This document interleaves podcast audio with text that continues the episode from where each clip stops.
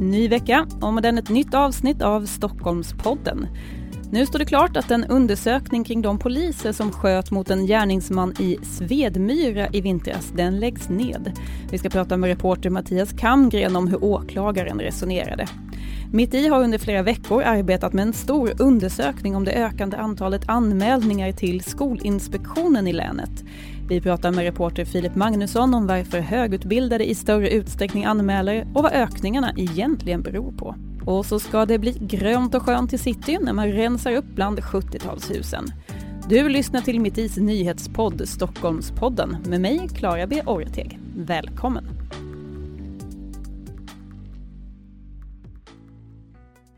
Vi börjar i Svedmyra och förflyttar oss bakåt i tiden till mörka och kalla februari. Mattias Kamgren, reporter på Mitt i Farsta. Berätta, vad var det som hände den där dagen egentligen?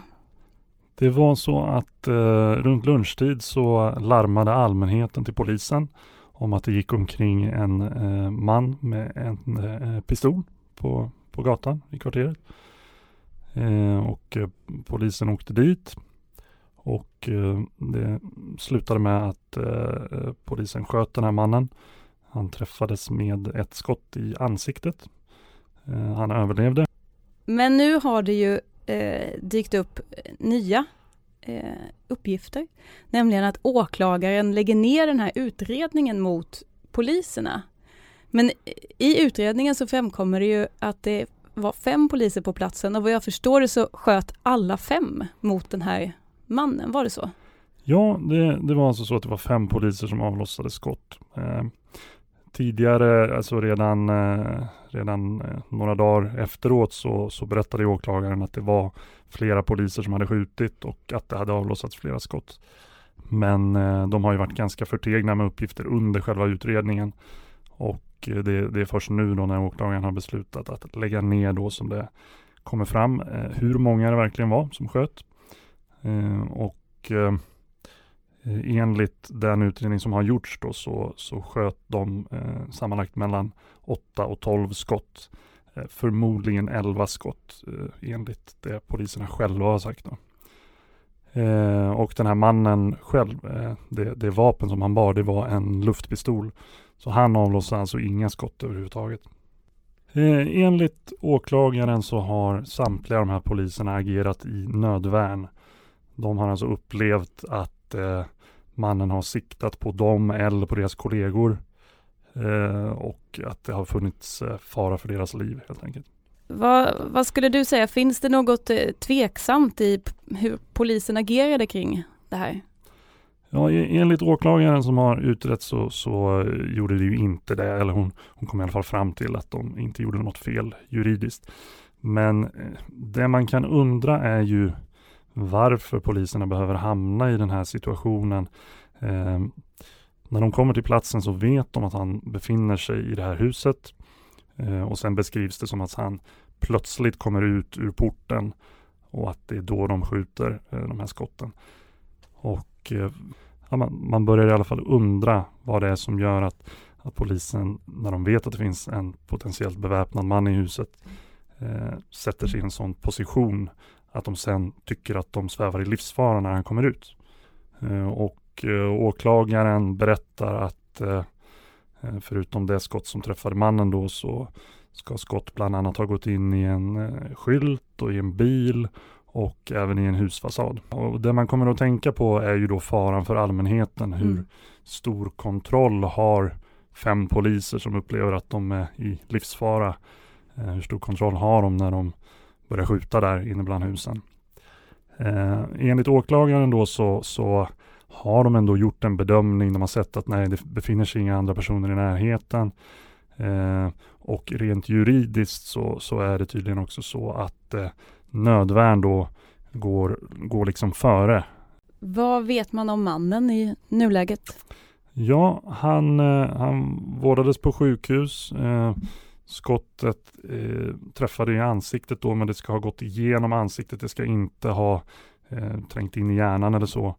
Eh, så enligt hans eh, advokat så eh, ja, han, han, kommer att få men eh, nedsatt syn och rent utseendemässigt, eh, säger den här advokaten.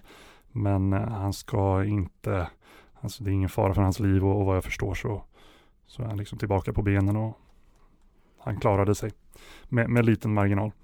Kommer han gå vidare med det här? Advokaten sa att han skulle begära in alla handlingar nu och uh, ta ställning till det här inom ett par veckor. Vi får se hur ärendet utvecklar sig helt enkelt. Tack Mattias Kremgren, reporter på Mitt i Farsta. Tack. Då var det dags för Christian Lönner att ge oss lite snabba nyheter från länet. Avloppsvatten har släppts ut i havet vid Pålsundet i Vaxholm där bostadsbolaget Småa byggt så kallade havsvillor. Villorna är inte anslutna till det allmänna avloppsnätet utan till två tankar som står vid den lokala båtklubben. Och när de inte töms i tid svämmar det över. Det blev brunt ute i sjön och det flöt runt toalettpapper, trosskydd och allt möjligt, säger Lars-Ove Westlén från båtklubben. Småa har nu anmälts för miljöbrott. 9 juni drar Järvaveckan igång. Under veckan besöker samtliga partiledare Spånga IP. I år hoppas arrangörerna locka fler Järvabor till politikerveckan, bland annat genom att partiledarnas tal ska tolkas till somaliska, arabiska och engelska. Alla resenärer på gröna linjen söderut får en strulig sommar. Särskilt drabbas linje 17 mot Skarpnäck och linje 18 mot Farsta. Det blir både extra byten och färre avgångar. Orsaken är att stationerna vid Skärmarbrink och Gullmarsplan ska renoveras. Arbetet pågår mellan den 11 juni och den 19 augusti. Och även Götgatan kan komma att behövas grävas upp med stora trafikstörningar som följd. Detta på grund av att tunnelbanans tak läcker in vatten. Politikerna ska fatta beslut om det här i höst och enligt förslaget påverkas Götgatan från Ringvägen upp till Folkungagatan. Liberalerna i Solna vill att Nobel Center byggs i Hagastaden istället för på Blasieholmen. Jag tror Alfred Nobel hade varit mycket nöjd med detta, säger kommunalrådet Marianne Damström Gereben. Mark och miljödomstolen har sagt nej till att bygga Nobel Center på Blasieholmen, men domslutet är överklagat av Stockholms stad. Den internationella jättefestivalen Lollapalooza kommer till Stockholm och Gärdet nästa sommar. Festivalen startades i USA 1991, men sedan 2014 har festivalen också besökt städer som Berlin och Paris. Festivalen i Stockholm hålls 28 till 29 juni nästa år. Tycker du att ett maraton låter långt? För Jonny Hellneby från Vallentuna är det ingenting. I en tävling i New Jersey sprang han 88 mil på 6 dagar, alltså drygt 20 maratonlopp. Med det blev han både ny världsetta och svensk rekordhållare i 6 dagars löpning. Vi rör oss snabbt vidare till Skolinspektionen. Filip Magnusson, reporter i Mitt i Haninge. Du är den som under många, många veckors tid har arbetat med att försöka få fram statistik och uppgifter kring det ökade antalet anmälningar till Skolinspektionen som eh, ju ökar över hela länet om jag förstår saken rätt. Kanske hela landet? Fast det vet vi inte eller? Både ja på båda kan man säga. Ja. Och alltså beror det här då på att skolorna har blivit avsevärt mycket sämre? Eller vad är det som händer? Ja det är det man undrar över lite onekligen för eh, jag tror det var 1000, över 1810 anmälningar till Skolinspektionen från eh, föräldrar och andra vuxna förra året och det är fler än någonsin och det ökar hela tiden och så vidare. Över 45 procent av anmälningarna ökat de sista tre åren och jag ställde frågan till eh, Skolinspektionens eh, chef för anmälningsenheten här i Stockholm, Fredrika Brickman och hon eh, har ju svårt att se att skolorna skulle blivit så mycket sämre på så relativt kort tid, men hon vill mm. egentligen inte uttala sig så mycket mer än så. Eh, men eh, visst kanske är det här ett, tecken på lärarbristen mm. någonstans. Mm. Och vad skulle du då säga är den vanligaste orsaken till att man anmäler? Det vanligaste är ju kränkningar och då brukar man ju prata om fysisk eller psykisk mobbning mellan elever, alltså mm. någon som eh, har varit utsatt, föräldrarna känner att eh, skolan inte gör tillräckligt eller inte kan stoppa det och då anmäler man till Skolinspektionen. Ehm, det andra är väl att man tycker att eh, ens elev inte får det, det stöd eller det särskilda stöd som den behöver i klassrummet. Man kanske har lite svårt för matte eller för svenskan och av olika skäl och man får inte den hjälpen man behöver. Man är helt enkelt rädd för att barnet inte får någon bra skolgång helt enkelt. För det är väl skolan och huvudmannens uppgift att se till att alla elever klarar målen? Ja, precis. Mm. Enligt eh, skollagen så ska alla elever få en eh, bra eh, undervisning och känna sig trygg i skolan. Eh, så så är det. Vad skulle du säga sticker ut nu då när du har tittat på all den här statistiken? Alltså det känns lite tråkigt och förutsägbart att säga det, men det känns ju som att det anmäls mer i eh, de Stockholms kommuner som har det lite kämpigare ekonomiskt, som har eh, en viss ja, socioekonomisk utsatthet. Jag tänker på Nynäshamn, Botkyrka, Upplandsbro. Eh, där anmäls det ganska mycket eh, just nu medan vi ser i Lidingö, Danderyd, Täby var ju väldigt, väldigt få anmälningar förra året. Eh, jämfört med hur många som, sett hur många som bor där. Du har också pratat med eh, en del av de här föräldrarna som har skickat in en anmälan och eh, i vissa fall också fått rätt. Vad skulle du säga att de ser, alltså, vad, vad, upplever man som förälder när man måste göra en sån här anmälan? Eh, ja, alltså man känner ju att man har haft, man har ofta haft flera möten med eh, skolledningen, oftast då rektorn. Man har tagit upp eh, problemet vid åtskilliga tillfällen. Man tycker att kanske, rektorn kanske lyssnar men, men gör ingenting. Alltså problemet fortsätter, man ser ingen lösning på det.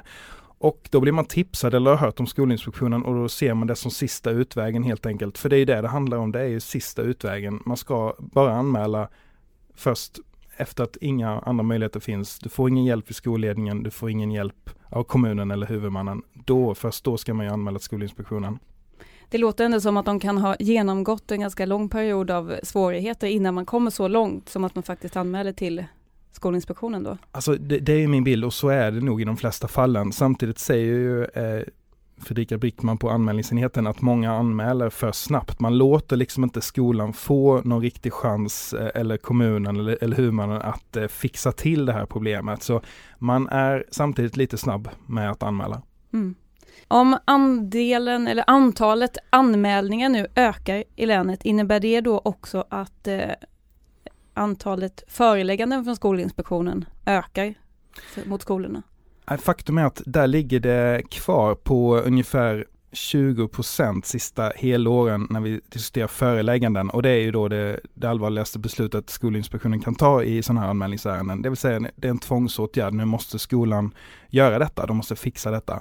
Det ligger kvar på 20% alltså ungefär en femtedel av fallen. Och när det gäller kritik generellt så ligger den på 25 eh, de sista helåren. Så den delen, alltså hur mycket av anmälningarna, hur många av anmälningarna som leder till kritik och föreläggande, den ligger kvar på mellan 20 till 25 procent. Det är inga större skillnader.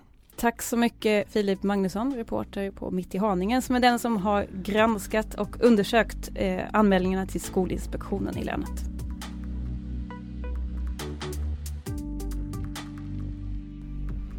Ida Persson, du är reporter i Vasastan.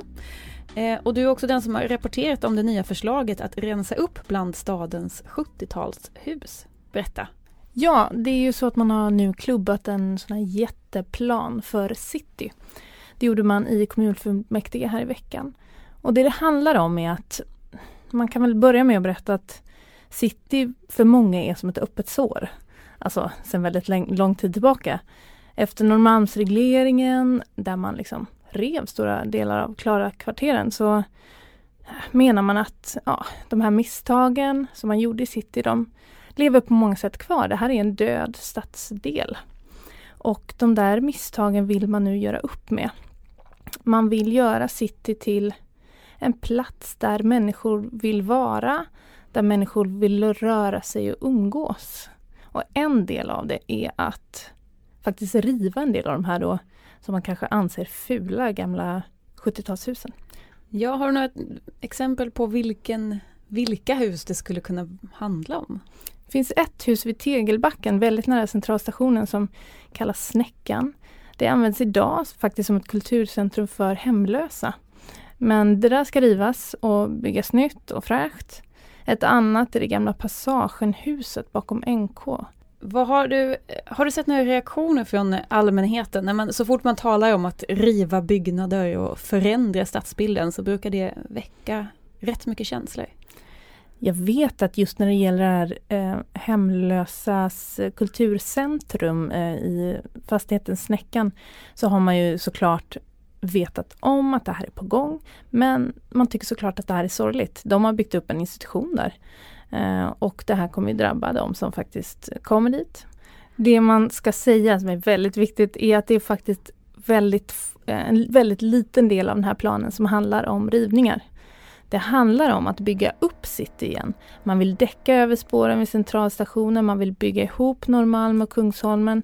Man vill ta bort bilkörfält och göra grönt och skönt eh, och nya passager i stan. Så att på många sätt så handlar det ju om nya byggnader och nya sätt att liksom ta sig an city. Eh, som väl bland många säkert ses som väldigt positivt. Sen är frågan om man lyckas. Eh, Brunkebergstorg tar de upp som ett exempel på en plats som var många uppfattade som farlig, eh, obehaglig, som nu är en pulserande plats av liv. Eh, samtidigt så var det där faktiskt en park en gång i tiden. Eh, som liksom jämnades med marken och nu gör man om. Alltså så där kommer det alltid vara på något sätt. I city, vi kommer nog få se det här om och om igen. Man kommer göra misstag, absolut. Eh, så får man rensa upp efterhand. Hur, hur är det med bostäder då? Finns det med i planen? Bostadsbristen i Stockholm är ju omdiskuterad.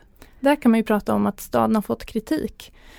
Det är svårt att bygga bostäder i de här delarna menar man. Det bullrar, det låter, de vill ha restauranger, de vill ha nattklubbar. Hur får de då in bostäder? Ja, de lyckas ju sådär med det. Alltså det finns ett nytt hus som är på gång där man ska bygga. Det är enormt och då har de tryckt in 30 bostäder där men vissa kanske tycker att det är lite, ja, så här, lite på sniskan och kanske ja, som ett alibi. Liksom. Vi, har, vi har tänkt på bostäderna men några större volymer kommer det inte bli. Och det här var, togs i kommunfullmäktige i veckan. När kommer vi få se det här i verkligheten? När kommer det ske? Vi får se när det faktiskt blir verklighet. Det här kommer nog dröja ganska lång tid innan det här faktiskt ja, är klart. Ett steg på vägen i alla fall mot ett grönare och skönare city. Tack så mycket Ida Persson. Tack. Och till sist en titt på vad länet har att erbjuda på nationaldagen på onsdag. Vad sägs om ny cirkus i Järfälla, prova tåskor från Kungliga Svenska Ballettskolan i Hagaparken eller varför inte kolla in uppträdanden av både Norli och KKV och Lilla Namo på Enskede IP. Det var allt från Stockholmspodden den här veckan med mig, Klara B. Orteg.